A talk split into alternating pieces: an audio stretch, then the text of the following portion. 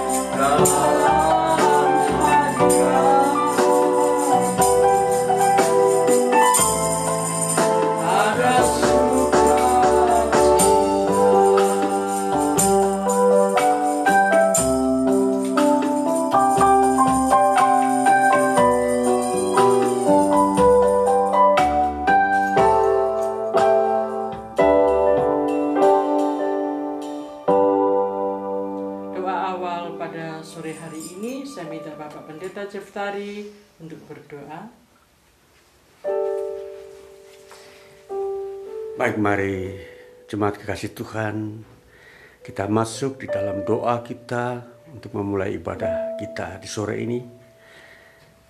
Allah Bapa kami di surga, di dalam nama Tuhan Yesus Kristus dan ya Roh Kudus, Allah kami Tritunggal, kami umatmu datang kepadamu di sore hari ini dalam ibadah kami minggu 30 Agustus ini. Sungguh kasih setia Tuhan mengizinkan kami lagi memasuki ibadah penghujung bulan Agustus ini ya Tuhan. Kami berterima kasih penyertaan Tuhan hari lepas hari, bahkan minggu lepas minggu, sehingga kami juga tiba di hari ini di dalam melakukan ibadah kami kepadamu. Sungguh suatu kesukaan, suatu berkat dari Tuhan bagi kami untuk kami melakukan ibadah ini karena ini adalah persembahan kami kepada Tuhan ialah nyanyian-nyanyian kami dan doa-doa yang kami sampaikan. Bahkan firman-Mu yang kami dengar menjadi bagian kehidupan kami di hari-hari berikutnya. Kami bersyukur bersuka cita pemeliharaan Tuhan yang ajaib. Maka ibadah kami dari awal pertengahan sampai pada akhirnya itu terjadi dalam nama Tuhan Yesus Kristus. Turunlah anugerah Tuhan atas kami. Haleluya. Amin. Ada sukacita, saudara-saudara yang terkasih. Amin ya. Kita selalu di ada sukacita karena ini semua kita dapatkan dari Tuhan kita. Dan sebab itu kita angkat satu pujian uh, karya terbesar. Sebab inilah dalam hidup kita kita mendapatkan sesuatu Indah hati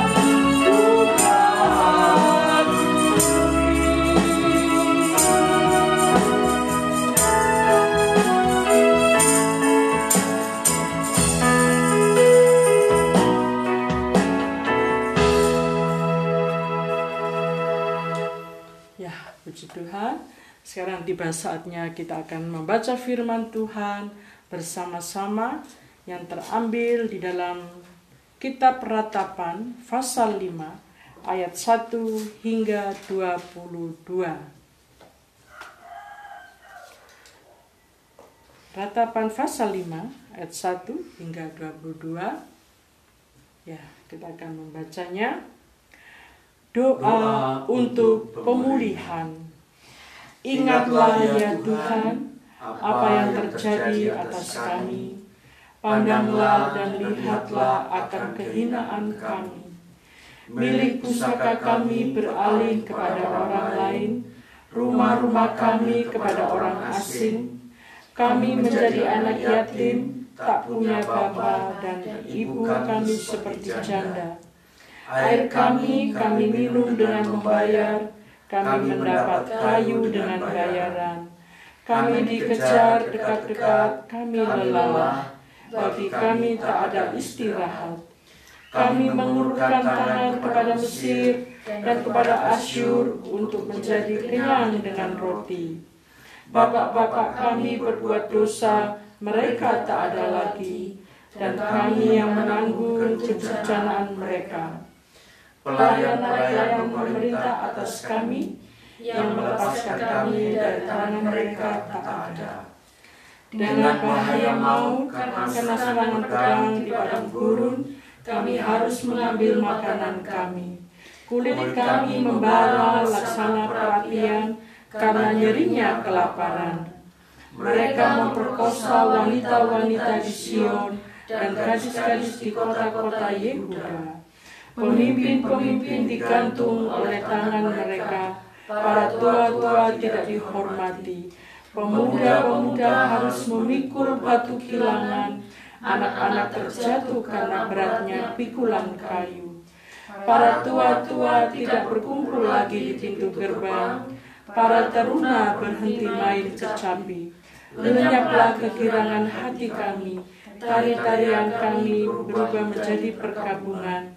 Mahkota telah jatuh dari kepala kami Wahai kami, karena kami telah berbuat dosa. Karena inilah hati kami sakit, karena inilah mata kami jadi kabur, karena bukit Sion yang tandus, di mana anjing-anjing hutan berkeliaran. Engkau ya Tuhan bertakhta selama-lamanya, tatamu tetap dari masa ke masa.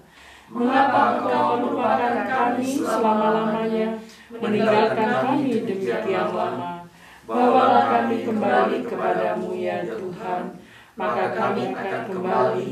Bahagialah hari-hari kami seperti dahulu kala, atau apakah sudah membuang kami sama sekali. Sangat murkakah engkau terhadap kami? Ya, demikian pembacaan firman Tuhan. Kita angkat satu pujian lagi itu hatiku percaya.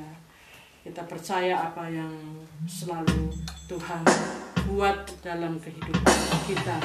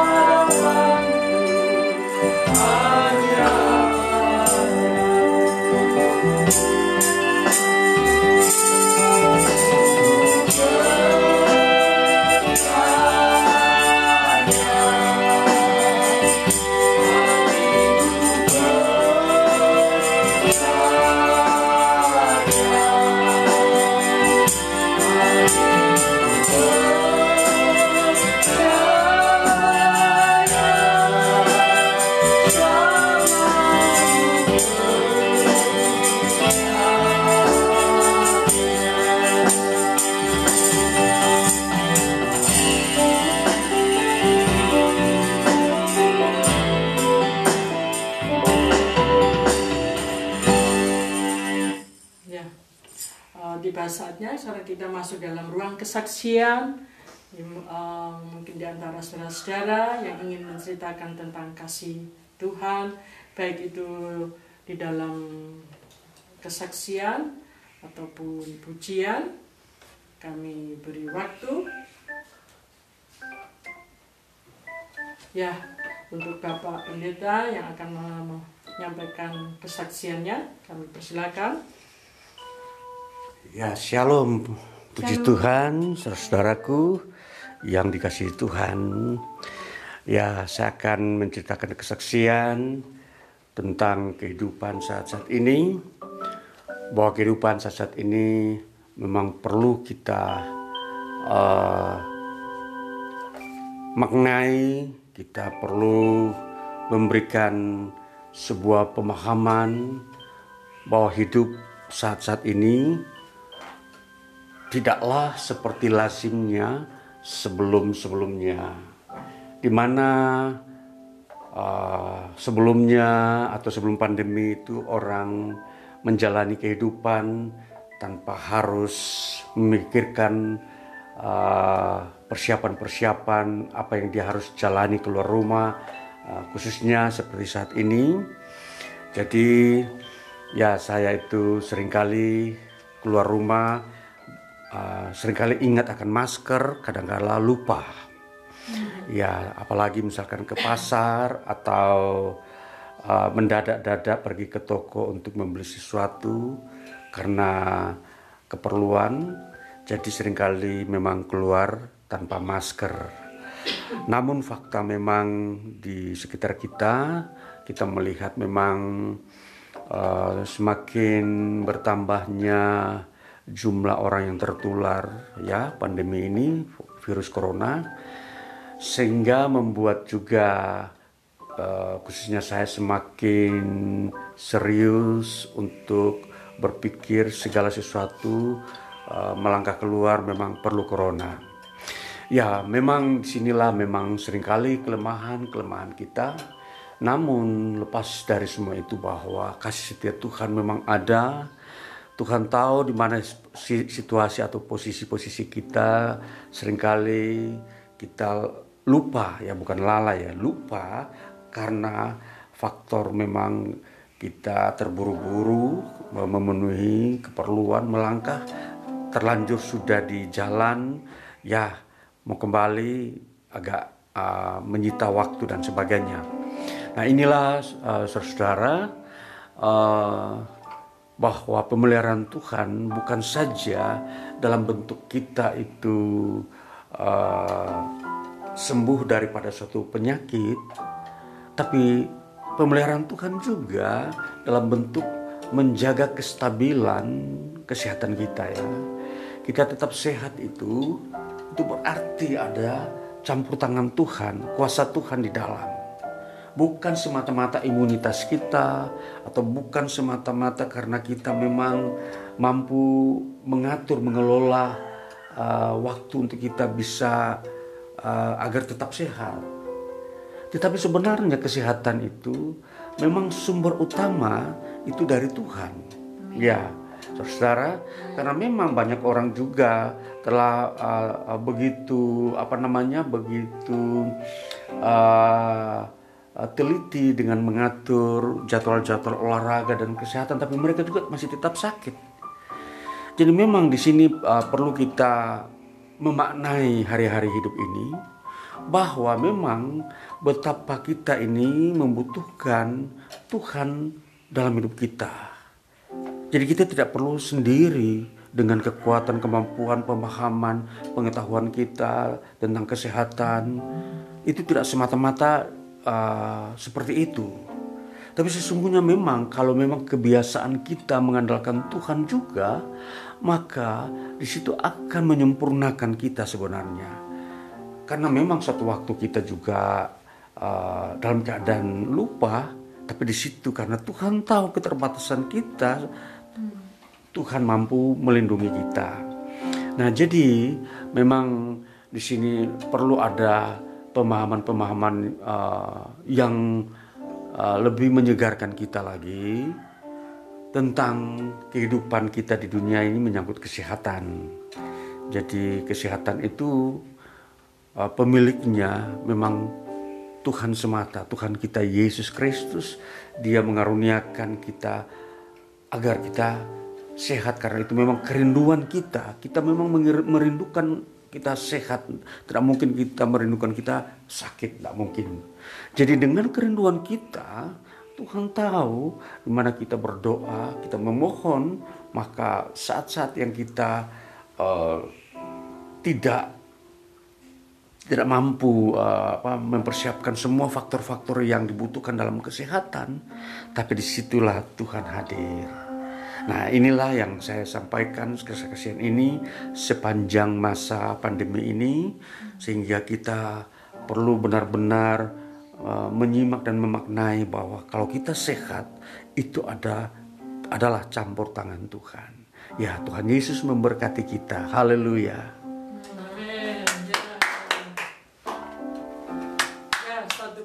uh, satu kesaksian yang indah yang sangat bermanfaat bagi uh, kita di, uh, atas penyampaian Bapak Pendeta tadi bahwa kehidupan kita tidak lepas dari campur tangan Tuhan itu yang membuat kita uh, berada di dalam damai sejahtera dan sukacita dalam pemeliharaan. Sungguh luar biasa Tuhan kita Yesus Kristus.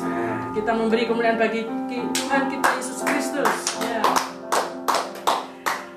Mungkin ada lagi yang akan menyaksikan cinta kasih Tuhan mungkin melalui pujian ya kalau tidak ada eh, kita akan masuk dalam mendengarkan firman Tuhan yang akan disampaikan oleh hambanya Sebelum kita mendengarkan firman Tuhan, kita akan mengangkat satu pujian yaitu dalam Yesus.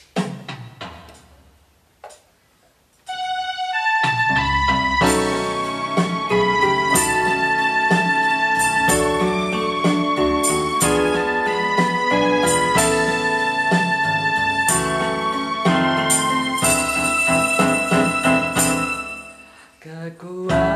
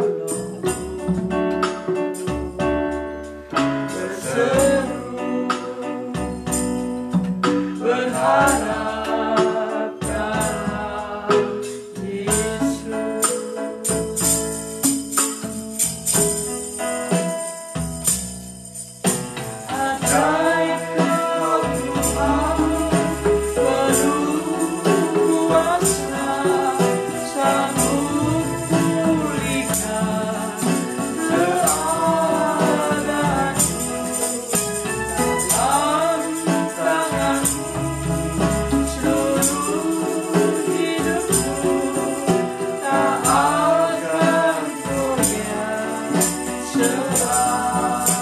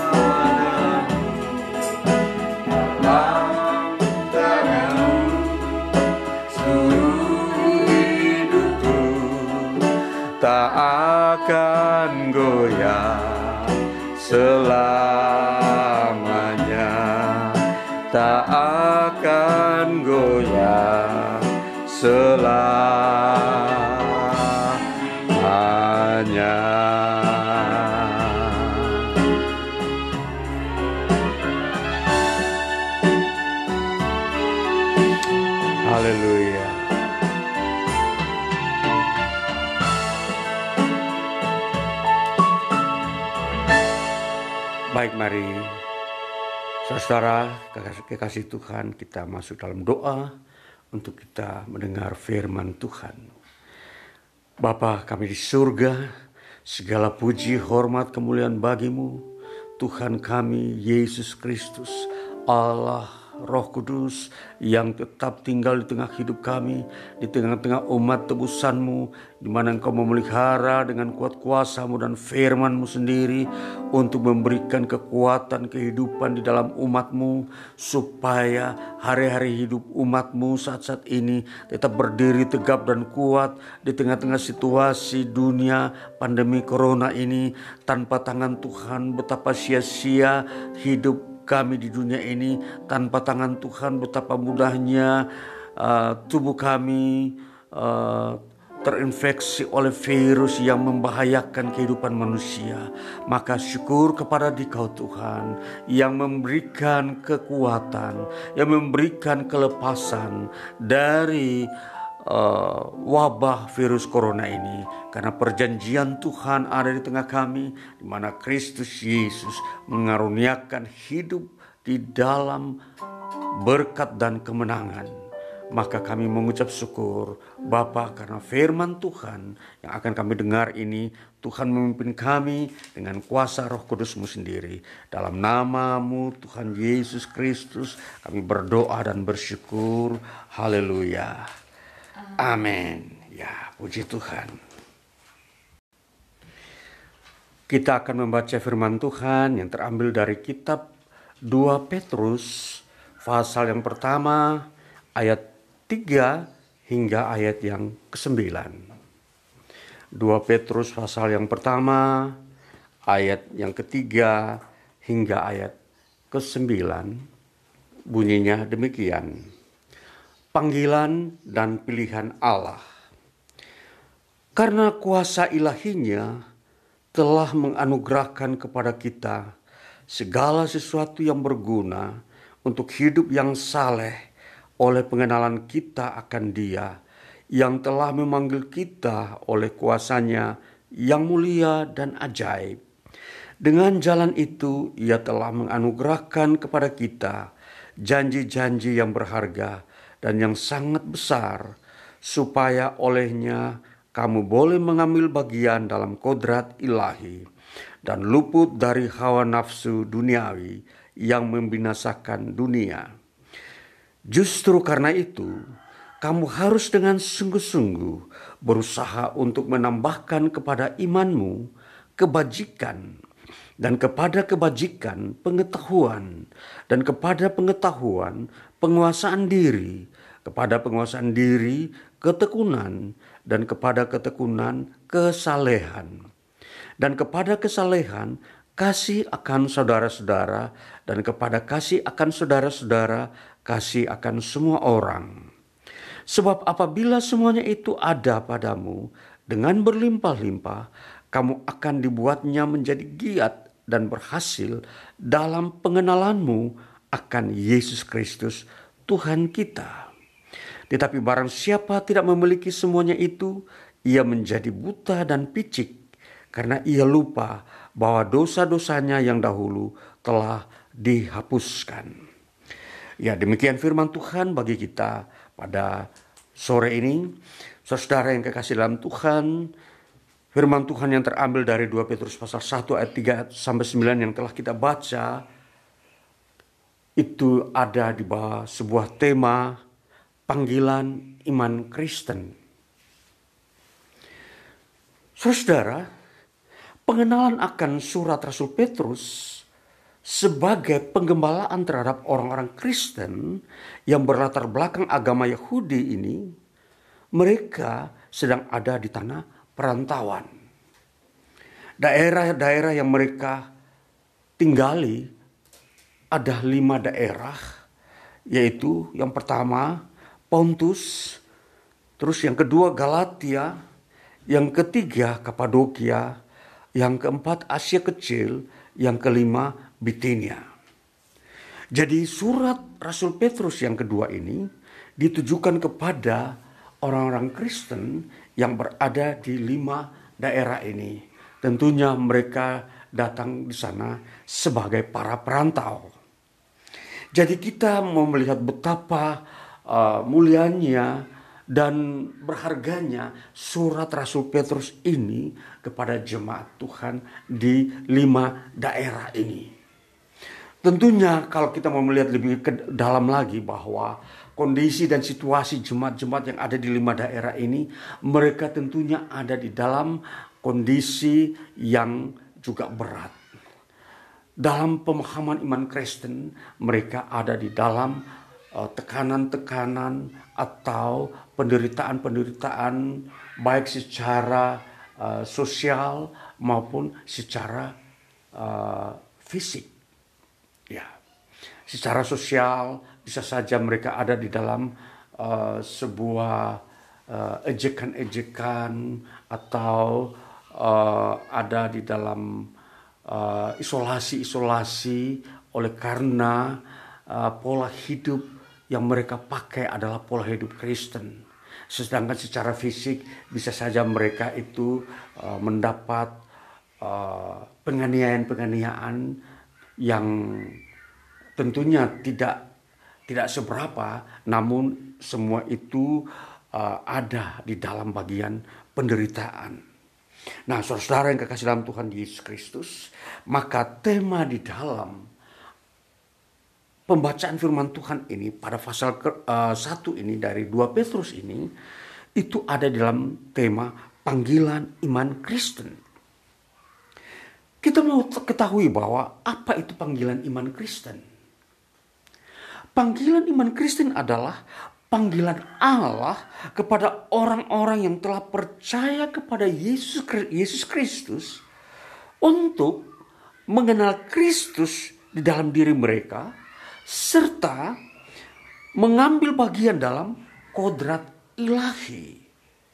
Kita sudah baca dalam ayat yang ketiga dan keempat tadi, yang uh, bunyinya yang sudah ada dalam penekanan tadi, bahwa uh, karena kuasa ilahinya telah menganugerahkan kepada kita segala sesuatu yang berguna untuk hidup yang saleh oleh pengenalan kita akan dia, yaitu Yesus Kristus, yang telah memanggil kita oleh kuasanya yang mulia dan ajaib.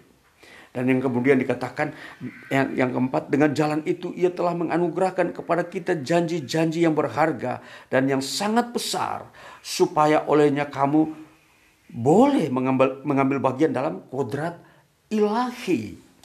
Nah jadi di sini kita melihat bahwa uh, panggilan iman Kristen ini ada di dalam tiga aspek. Aspek yang pertama adalah mengenal Kristus.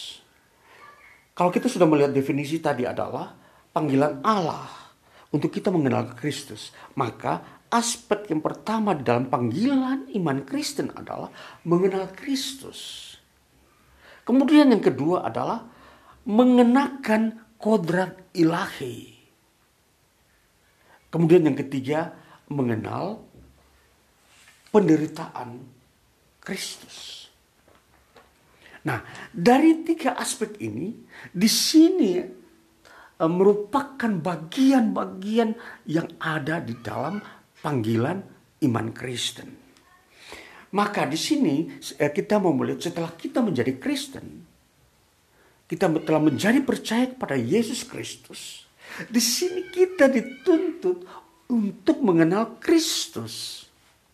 Jadi uh, percaya kepada Kristus tidak sekedar ikut-ikutan, tidak sekedar uh, satu apa namanya uh, ajakan orang untuk ber, bersekutu bersama di dalam satu lingkungan kekristenan. Ya itu bukan itu bukan kehendak Allah seperti itu. Jadi menjadi Kristen, memiliki iman Kristen itu artinya kita dituntut untuk mengenal Kristus. dosa ini. Dituntut untuk mengenal Kristus. Nah, dalam era para rasul, di mana rasul-rasul mengambil alih uh, pelayanan atau menjadi pemimpin-pemimpin di gereja, mereka bagaimana memperkenalkan Kristus kepada jemaat. Kristus yang tidak pernah dilihat oleh mata jemaat pada mula-mula, hanya dilihat oleh para rasul dan uh, uh, segelintir orang yang memang telah hidup dengan Yesus.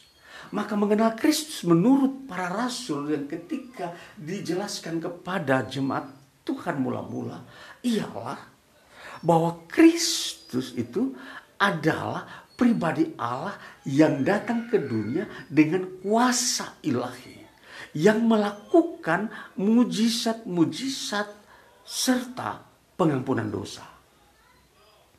Nah, di sini pengenalan akan Kristus ini harus di, dijelaskan secara kalimat dan ada makna di dalam setiap kalimat itu.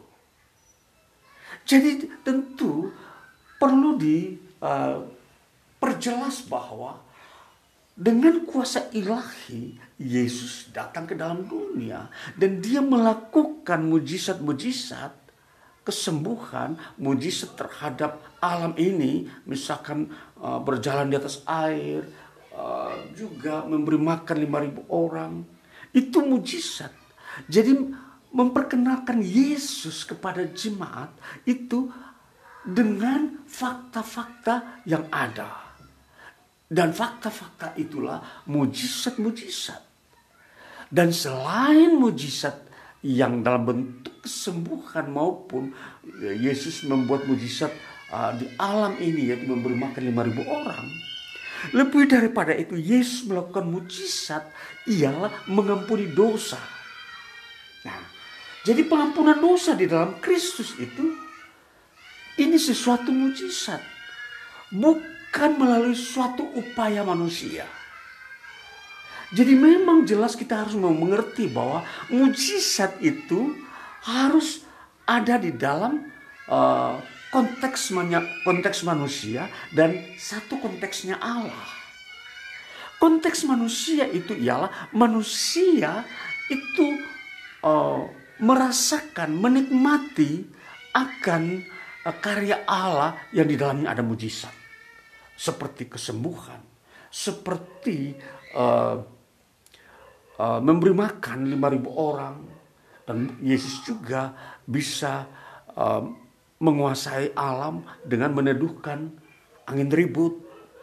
Nah, ini hal-hal seperti ini itu dalam konteks di mana Yesus lakukan mujizat terhadap manusia. Tetapi sisi yang lain bahwa di dalam konteksnya Allah, mujizat yang Allah lakukan dalam uh, pribadi Allah yang diperlihatkan kepada manusia bahwa dia mengampuni dosa-dosa manusia dengan dasar anugerah, bukan dengan dasar upaya dan kekuatan manusia. Jadi di sini uh, perlu uh, dikenal tentang mujizat di dalam pengampunan dosa ini seperti apa. Nah, Tentunya nanti kita akan melihat bahwa mujizat, mujizat yang ada dalam pengampunan dosa itu adalah itu terjadi sekali untuk selamanya. Kemudian yang kedua itu hanya uh, bersifat uh, atau berbentuk uh, sederhana tanpa melalui sebuah uh, proses yang uh, menyita kekayaan manusia tanpa uh, satu kekuatan manusia pun di dalamnya. Seperti ketika seseorang mau mengaku dosa, dia tidak perlu mengeluarkan uang untuk menebusnya atau menggantikannya. Itu yang disebut, yang dimaksudkan dengan mujizat. Dan prosesnya tidak berlama-lama, tidak membutuhkan uh, hari yang begitu panjang, bulan, tahun untuk mengaku dosa. Dalam hari ini, kita mengaku dosa hari ini pun sudah terjadi pengampunan dosa. Jadi tidak ada suatu sesuatu yang rumit dan yang uh, sukar dijalani oleh manusia. Itu adalah mujizat. Nah kalau kita mau melihat pemahaman-pemahaman, kepercayaan-kepercayaan yang lain, untuk mendapatkan suatu pengampunan dosa saja, dia harus uh, membayarnya dengan uh, dirinya sendiri yang harus tersiksa. Seperti, seperti uh, kepercayaan Yunani dengan uh, faham askese itu. Askese adalah suatu paham ajaran-ajaran Yunani kuno bahwa untuk kalau seseorang mendapatkan suatu pengampunan dosa, dia harus menyiksa dirinya. Dia harus menggundul kepalanya misalkan. Dia harus menoreh-noreh dirinya. Atau dia harus berpuasa. Baru bisa mendapatkan pengampunan dosa. Nah selanjutnya dalam kepercayaan agama Yahudi. Untuk mendapatkan pengampunan dosa. Dia harus membeli seekor domba atau lembu atau merpati. Pokoknya dia harus mengeluarkan uang untuk membeli sesuatu uh, atau uh, membeli binatang korban untuk dikorbankan, dikurbankan sebagai penebus dosa. Nah ini berbeda dengan Kristus di dalam melakukan mujizat pengampunan dosa tanpa sepeser pun, tanpa harus manusia menderita di dalam menjalaninya. Nah, itulah sebabnya itu disebut mujizat pengampunan dosa, mujizat keilahian. Nah, jadi inilah di dalam mengenal Kristus. Nah, jadi jemaat Tuhan yang sudah menerima Yesus Kristus, percaya kepada Yesus Kristus, mereka harus mengerti benar-benar bahwa pengampunan dosa yang mereka telah jalani atau mereka telah hidup di dalam pengampunan dosa tidak perlu lagi digunakan metode yang lain. Sudah cukup dengan mengaku dosa kepada Yesus Kristus, itu sudah terjadi pengampunan dosa. Jadi memang berbeda. Jadi pengakuan dosa di dalam dunia kekristenan dengan pengakuan dosa di dunia yang lain di luar Kristen berbeda. Jadi di sinilah diperlihatkan mengenal Kristus dalam hal pengakuan dosa, eh, penyucian dosa ini, di situ terlintas atau terlihat anugerah Allah. Maka di situ anugerah Allah itulah yang berbicara kepada kita bahwa mengenal Kristus ada anugerah Allah. Nah itulah sebabnya sungguh-sungguh kita mengenal Kristus di sini harus sampai kepada tingkat pribadi kita. Bahwa kita benar-benar sudah menerima pengampunan dosa. Dan itu tidak akan uh, terpakai lagi atau kita menggunakan metode yang lain lagi untuk menebus dosa kita. Sekali kita mengaku dosa kepada Kristus, itu Kristus sudah menyucikan, mengampuni dosa kita sekali untuk selama-lamanya. Jadi prinsip anugerah di dalam Kristus itu yang kita pakai. Jadi kalau ada uh, pengajaran-pengajaran uh, yang baru mengajarkan tentang uh, metode pengampunan dosa, maka kita perlu menolak. Karena kita sudah menerima pengampunan dosa. Ini yang disebut mengenal Kristus. Jadi panggilan iman Kristen adalah mengenal Kristus. Jadi mengenal sungguh-sungguh di sini adalah mengenal karyanya. Karyanya itu ialah pengampunan dosanya itu. Nah, di sinilah yang dimaksudkan dengan mengenal Kristus itu dalam panggilan iman Kristen. Jadi kalau kita uh, sudah menyandang status kita sebagai seorang yang percaya pada Kristus, maka kita pun harus mengenal dengan sungguh-sungguh bahwa kita sudah mendapatkan pengampunan dosa. Ini relasi, korelasinya antara uh, iman kepada Yesus Kristus dengan diri kita itu seperti itu. Ada pengampunan dosa. Jadi bukan sekedar hanya beragama. Jadi jelas ketika seorang sudah mengenal percaya kepada Yesus Kristus, maka dia harus mengenal apa itu dosa. Dosa-dosa yang dibuat manusia itu seperti apa? Sehingga ketika dia mengaku dosa kepada Kristus, dia sudah tahu bahwa itu dosa, maka dia tidak akan melakukan dosa seperti yang ia telah ucapkan pengakuannya bahwa dia mohon pengampunan dosa. Maka pengampunan dosa yang Yesus lakukan itu sekali untuk selamanya. Supaya mendidik kita supaya kita jangan berbuat dosa lagi. Itulah mengenal Kristus. Jadi kalau ada orang mengenal Kristus, dia bilang saya percaya kepada Yesus Kristus. Tapi dia masih tetap berbuat dosa. Dia membunuh, dia berdusta, dia uh, korupsi, dia uh, menghujat, dia menyiksa, dia merugikan banyak orang. Itu bukanlah seperti itu. Jadi itu pertanda dia belum Kristen. Karena dia belum mengenal dosa, dia belum mengenal apakah dirinya berdosa atau tidak. Jadi kalau mengenal Kristus benar-benar bahwa dia pun harus mengerti pengampunan dosa, dia sudah mengaku dosa kepada Kristus apa? Dan dia harus mengerti mengenal dosa-dosa yang kitab suci Alkitab ungkapkan, ajarkan bahwa ini adalah dosa. Sehingga orang yang memang masuk percaya kepada Yesus Kristus, dia sudah sadar bahwa saya sudah mengaku dosa. Jadi ini pemahaman yang harus kita pakai.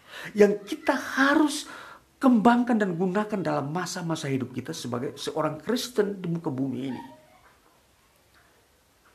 Jadi kita tidak bisa lagi diombang-ambingkan, diajak-ajak oleh orang lain untuk berbuat suatu kejahatan, suatu perbuatan, perbuatan dosa yang merugikan diri sendiri dan orang lain.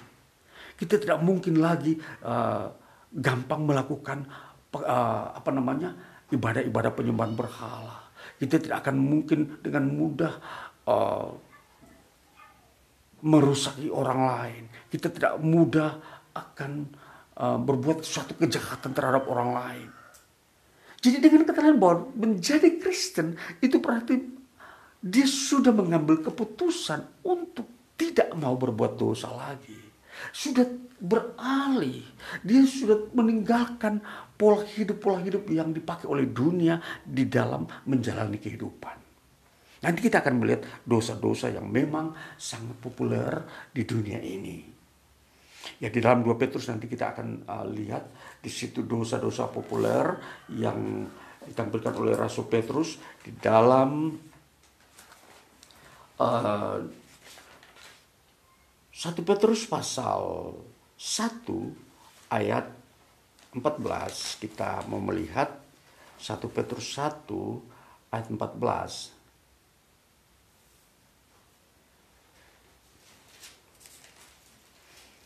1 Petrus 1 ayat 14 bunyinya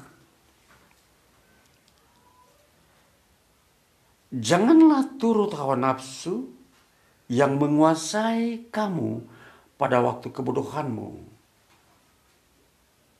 Lalu dikatakan lagi pada ayatnya ya pada ayatnya yang ke-15 tetapi hendaklah kamu menjadi kudus di dalam seluruh hidupmu sama seperti dia yang kudus yang telah memanggil kamu. Nanti ada uh, catatan dosa yang uh, Rasul Petrus sampaikan di sini. Uh, saya akan membacanya pada pasal 4 ayatnya yang yang ketiga sampai dengan ayatnya yang keempat. Sebab telah cukup banyak waktu kamu pergunakan untuk melakukan kehendak orang-orang yang tidak mengenal Allah. Kamu telah hidup dalam rupa-rupa hawa nafsu, keinginan, kemabukan, pesta pora, perjamuan minum, dan penyembahan berhala yang terlarang. Sebab itu mereka heran bahwa kamu tidak turut mencemplungkan diri bersama-sama mereka di dalam kubangan ketidaksenonohan yang sama dan mereka memfitnah kamu. Nah, ini daftar dosa yang populer yang memang sangat digemari oleh manusia duniawi. Mereka selalu melakukan kemabukan, hawa nafsu, pesta pora keinginan yang berlebihan, perjamuan minum yaitu sampai uh, boleh kata dikatakan itu mabuk-mabukan, bahkan terjadi penyembahan berhala. Nah, jadi saudara-saudara, memang di sini belum ter, terungkapkan hal-hal tentang uh, dosa modern yang kita temui saat ini, yang tentunya uh, anak-anak atau akar-akar daripada dosa populer pada zaman gereja mula-mula. Nah, jadi memang di sini penyembahan berhala bisa sampai kepada uh, gaya hidup yang memang gaya hidup yang uh, mengandalkan ya mengandalkan materialisme di dalam hidupnya. Jadi Tuhan sudah tidak lagi diandalkan. Jadi materialisme yang ada di dunia ini adalah bentuk penyembahan berhala. Ini yang nyata sekali untuk zaman kita. Maka kemudian kita mau melihat bahwa yang dikatakan tadi bahwa mengenal Kristus. Jadi kita mau melihat bahwa di sini uh, kita sudah mengerti bahwa pengampunan dosa menjadi inti daripada mengenal Kristus. Atau dengan kata lain, mujizat-mujizat yang kita harus kenal di dalam Kristus Yesus ternyata yang yang menjadi klimaksnya adalah pengampunan dosa. Jadi memang kita harus memahami uh, bahwa mujizat-mujizat yang terjadi di dunia ini banyak kepalsuannya. Misalkan ada orang-orang yang mau menarik orang lain dengan mujizat-mujizat palsu untuk ikut kepada kepercayaannya. Ya, ini akan semakin apa namanya uh, berkembang. Karena di situ di balik semua itu ada antikristus, ada roh-roh iblis yang bekerja untuk menyesatkan orang-orang Kristen yang lemah imannya. Maka kita harus mengenal bahwa kalau ada mujizat-mujizat palsu yang tidak mengatasnamakan Kristus, itu adalah sikap penyesatan ada penyesatan-penyesatan. Jadi jangan gampangan kita mau me, atau hadir di tengah-tengah suatu aktivitas yang menampilkan mujizat tanpa Kristus. Ya, di sini tentunya ada orang mengandalkan kekuatan uh, magis, kekuatan-kekuatan uh, psikologi, uh, bisa juga sulap-sulap, dan semua itu ada di dalam bagian-bagian yang mereka kategori sebagai mujizat-mujizat. Jadi ilmu-ilmu yang sekarang kita mau melihat, kita jangan ter uh, terpengaruh ya, terobsesi dengan kata istilah mujizat. Karena mujizat-mujizat yang ada di dunia ini, semua itu adalah hanya untuk mempengaruhi pikiran bukan untuk membawa kepada keselamatan. Jadi hanya untuk membuat manusia itu terpesona. Jadi kalau ada orang membuat sebuah apa namanya atraksi-atraksi, uh, ya itu ya boleh kita lihat orang-orang yang mem bisa membuat uh, uh, pemandangan-pemandangan yang bisa misalkan orang bisa terangkat tanpa harus dia melompat, dia terangkat pelan-pelan Nah ini kegiatan-kegiatan yang memang mereka sebut mujizat, tetapi itu bukanlah mujizat yang yang asli. Karena Tuhan mengerjakan mujizat adalah untuk kebaikan manusia dan untuk kemuliaan nama Tuhan Yesus Kristus, bahkan terlebih di dalam semuanya itu adalah tentang pengampunan dosa. Nah maka saudara, kita mau melihat Eh, membangun menambah kepada kita sebuah pemahaman mengerti tentang mujizat. Maka kalau kita sudah bisa membedakan antara mujizat palsu dan mujizat asli, maka di sinilah kita disebut mampu mengenal Kristus. Kita sudah mampu bahwa Kristus itu saya sudah kenal dengan baik. Jadi kita tidak perlu samar-samar lagi. Jadi kalau orang berkata kamu sudah mengenal Kristus, sudah. Dari mana? Saya mendapatkan pengampunan dosa. Saya sudah tahu bahwa uh, mujizat hanya untuk kemuliaan nama Kristus. Di situ bagi jemaat Tuhan, orang yang percaya di era modern ini dalam hal mengenal Kristus adalah mengenal tentang pengampunan dosa, karya penebusan dosa di dalam dirinya. Nah ini yang harus kita betul-betul pegang. Nah kemudian yang, yang kita mau lihat yang berikutnya adalah mengenai mengenakan kodrat ilahi. Dalam panggilan iman Kristen yang kedua yaitu mengenakan kodrat ilahi. Kalau kita tadi sudah melihat tentang pengampunan dosa, maka pengampunan dosa itu mempunyai tindak lanjutan tindak ya merupakan tindak lanjut daripada pengampunan dosa yaitu menghasilkan kodrat ilahi di dalam diri kita. Inilah yang kita mau melihat bahwa kodrat ilahi yang kita terima dari Tuhan setelah kita mendapatkan pengampunan dosa, kita menjadi orang-orang yang bajik. Mudah melakukan kebajikan, murah hati. Ini karakter ilahi, ini kodrat ilahi yang terbentuk di dalam diri kita. Jadi sungguh-sungguh kalau orang yang sudah mengenal Kristus, di dalam dirinya ada kebajikan. Bukan keraku, kerakusan. Atau keserakahan. Orang yang mengenal Kristus tidak serakah. Jadi kalau kita bertemu dengan orang-orang yang yang katanya Kristen tapi serakah, itu bukan disebut Kristen. Karena memang dasar mengenal Kristus, panggilan Kristus diawali dengan pengampunan dosa. Lalu menghasilkan kebajikan atau murah hati. Kemudian yang kedua adalah penguasaan diri. Jadi uh, kodrat ilahi ini akan terbentuk penguasaan diri di dalam diri pribadi orang-orang yang mengenal Kristus. Yang ketiga, mereka memiliki ketekunan kesalehan. Mereka tekun di dalam berbuat apa yang yang saleh. Soal ibadah mereka lakukan, soal berdoa mereka lakukan, soal rendah hati mereka lakukan, soal sabar mereka lakukan. Karena mereka sadar tahu bahwa semua itu bersumber datang dari Tuhan setelah mereka menerima pengampunan dosa. Jadi semua ini adalah adalah pemberian Tuhan. Makanya disebut kodrat ilahi ada di dalam diri orang tersebut. Makanya ini panggilan iman Kristen adalah panggilan yang uh, masuk di dalam kehidupan yang diwarnai dengan kodrat ilahi. Nah, jadi di situ selain ketekunan kesalehan, yang keempat adalah kasih. Nah, mari kita uh, lihat semua itu di dalam bagian uh, ayat yang berikutnya. Di dalam ayat yang keempat kita baca dalam satu Petrus satu ayat ayat 2 Petrus satu tadi. Ayat yang keempat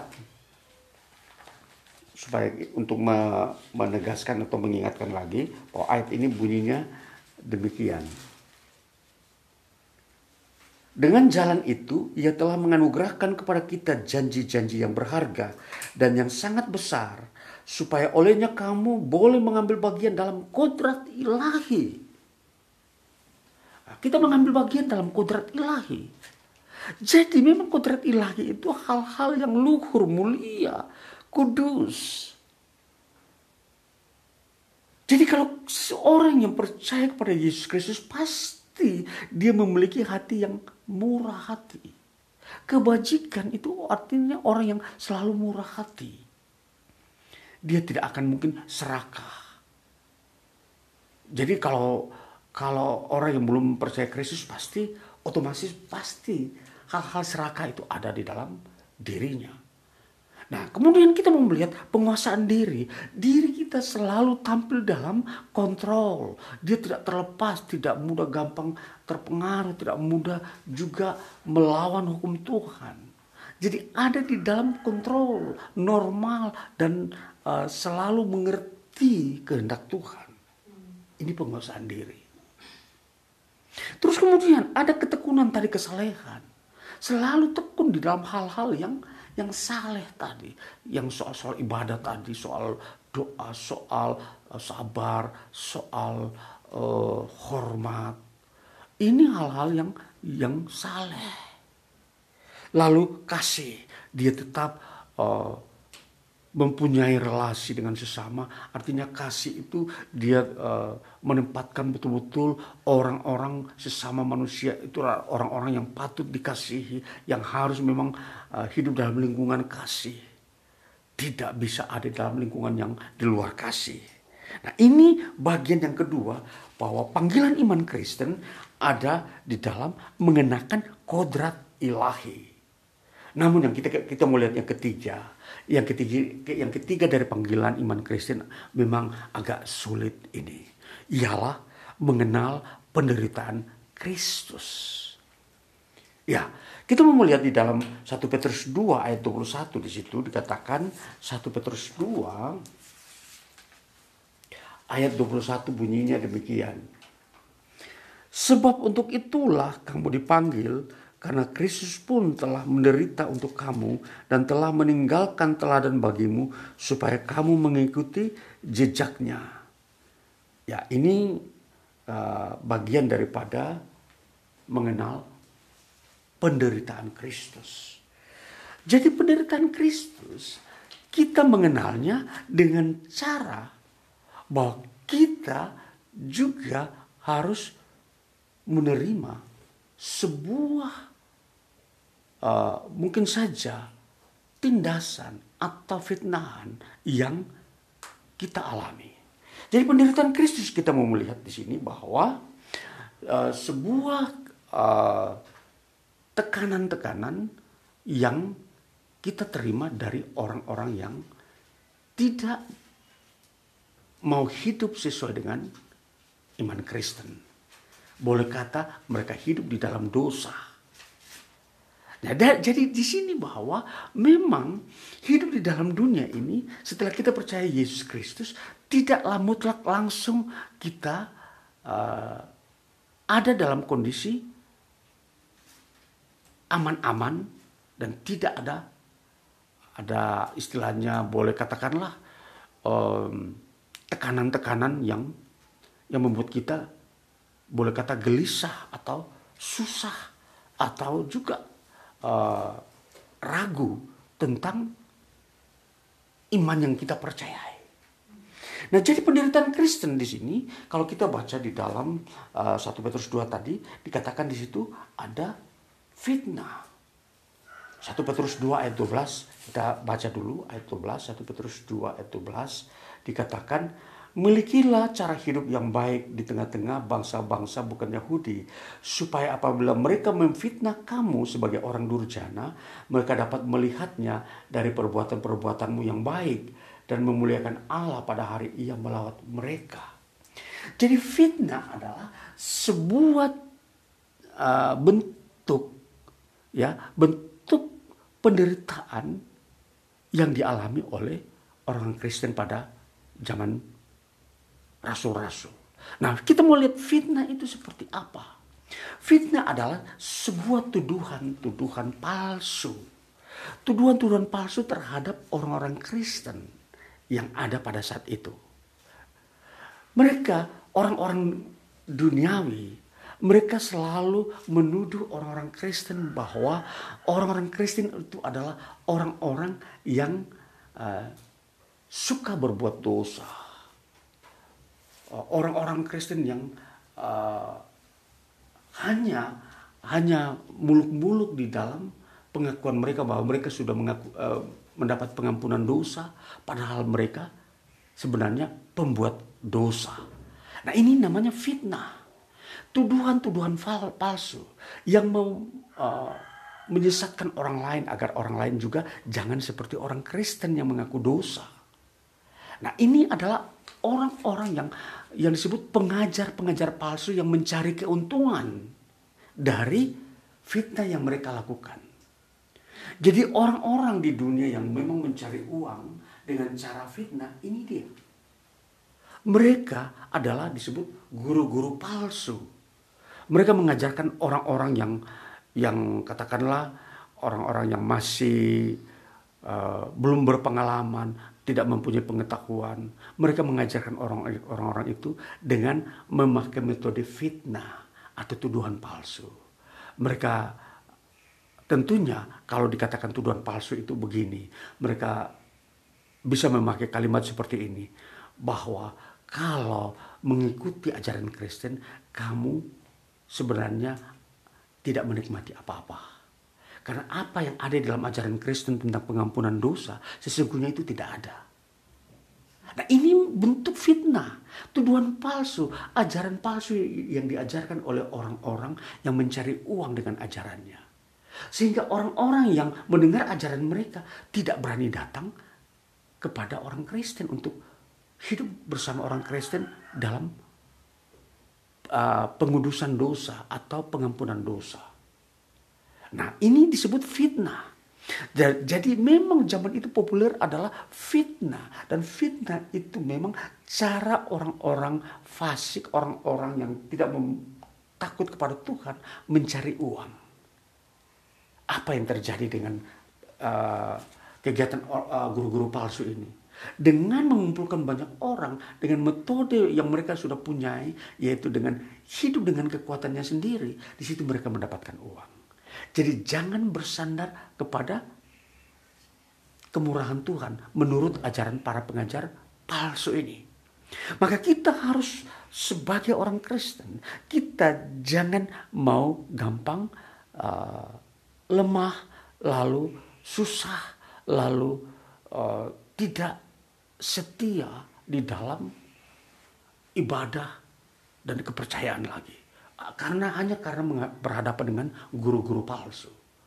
Maka di sini kita pada zaman sekarang juga kita berhadapan dengan banyak guru palsu. Orang-orang yang menista, yang memfitnah iman Kristen juga. Ada yang memfitnah bahwa iman Kristen itu sama dengan agama Yahudi.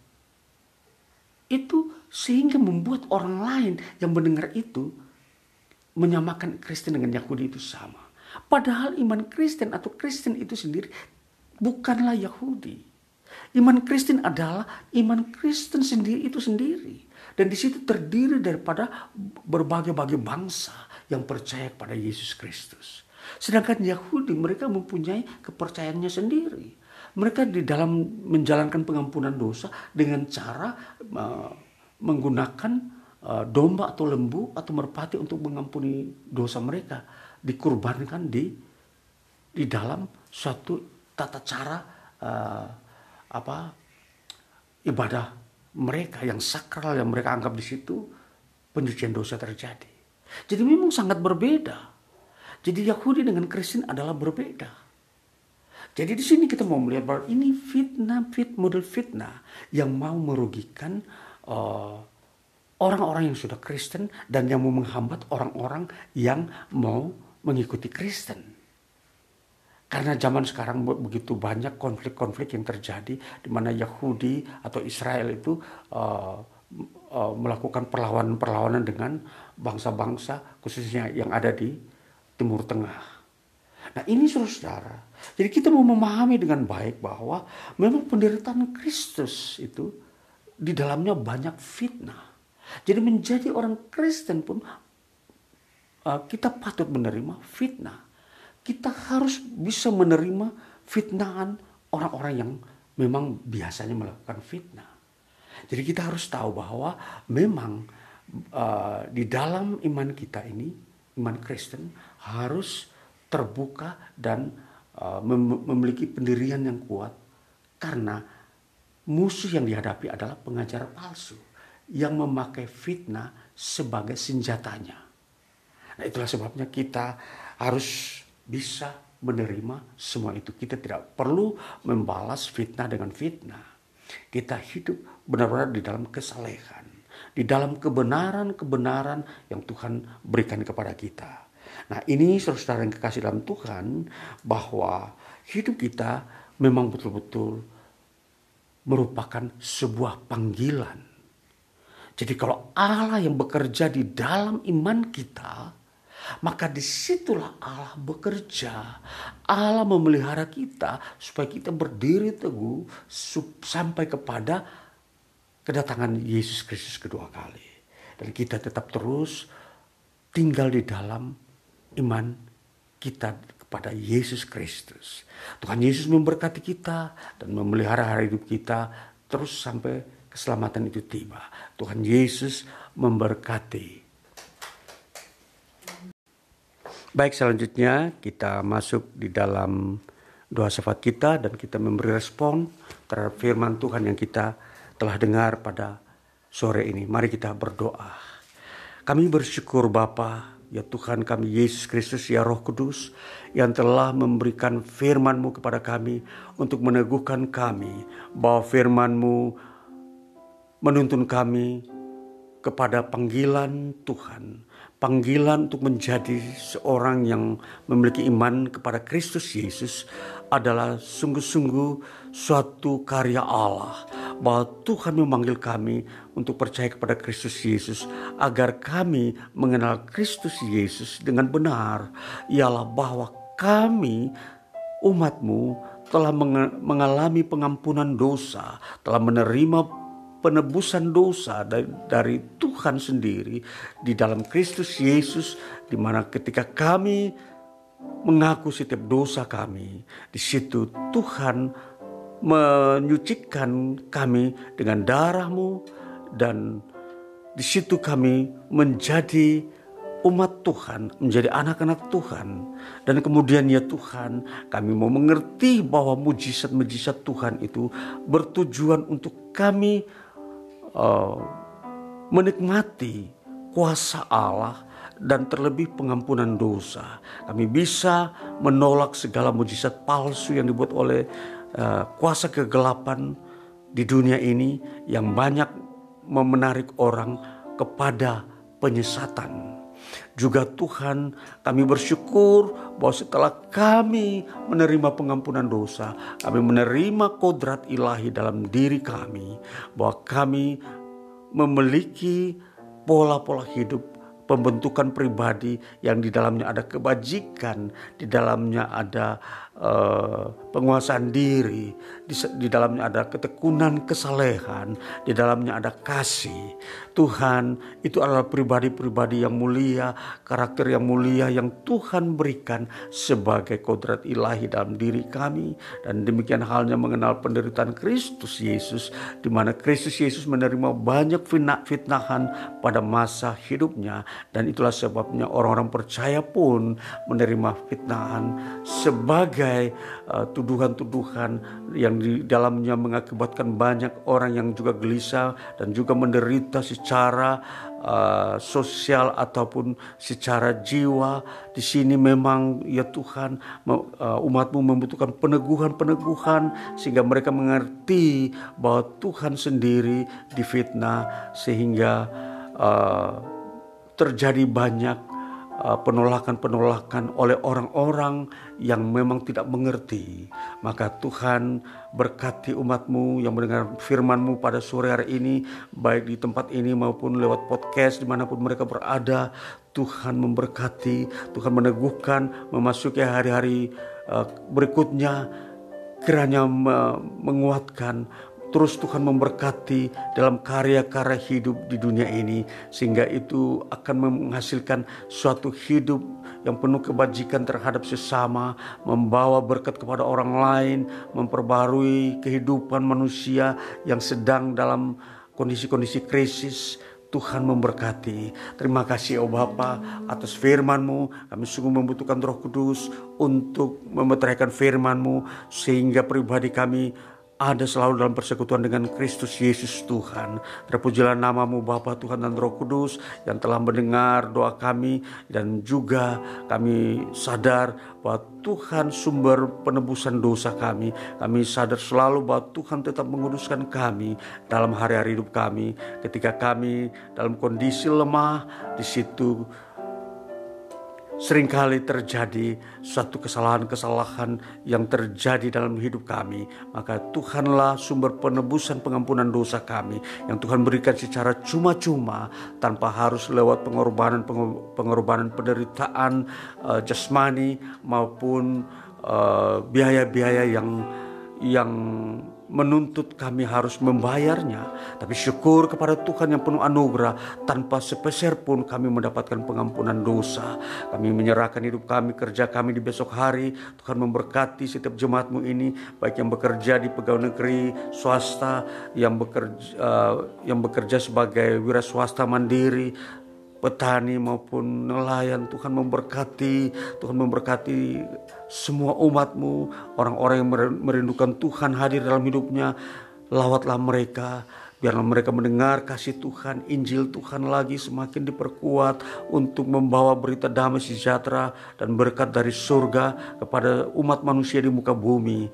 Tuhan terima kasih, kami menyerahkan juga semua pelayanan-pelayanan kami pada minggu-minggu berikutnya. Tuhan campur tangan sehingga pekerjaan pemberitaan Injil terus dapat uh, terjadi. Kami berdoa penambahan-penambahan jiwa yang Tuhan sudah kirim, Tuhan teguhkan mereka supaya mereka tetap dalam panggilan Tuhan. Mereka yang memasuki dalam rumah tangga baru, Tuhan memberkati, Tuhan mempersiapkan sarana fasilitas sehingga mereka mengerti memasuki rumah tangga baru Kristen sungguh suatu anugerah Tuhan.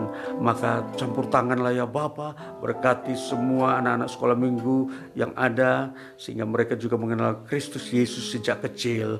Tuhan berkati pekerjaan Tuhan, gereja-gereja Tuhan, Tuhan memberkati di tengah bangsa ini, berkati pemerintahan pekerjaan kami, kota kami di mana kami tinggal dan bekerja. Berkati itu ya Tuhan, karena di situlah namamu dipermuliakan. Kuduskan kami jemaatmu dan kami menaikkan doa syafaat kami ini dalam namamu Tuhan Yesus Kristus turunlah anugerah Tuhan Yesus Kristus, kasih dari Allah Bapa, persekutuan dengan Roh Kudus menyertai kami hari ini terus sampai selama-lamanya dan kami menaikkan doa kami sesuai dengan apa yang Tuhan ajarkan kepada kami. Bapa kami yang di surga, dikuduskanlah namamu, datanglah kerajaanmu, jadilah kehendakmu di bumi seperti di surga. Berikanlah kami pada hari ini makanan kami yang secukupnya dan ampunilah kami akan kesalahan kami seperti kami juga juga mengampuni orang yang bersalah kepada kami. Dan janganlah membawa kami ke dalam pencobaan tetapi lepaskanlah kami daripada yang jahat.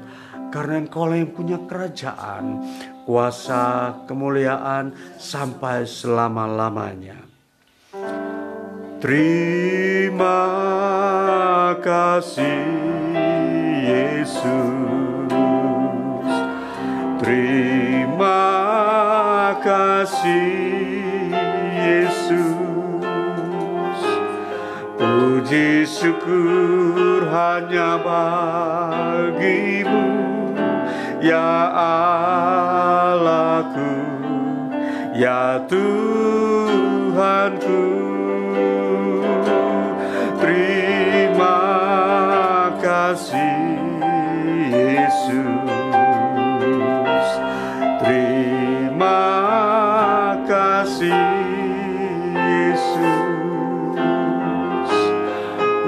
Puji syukur hanya bagimu.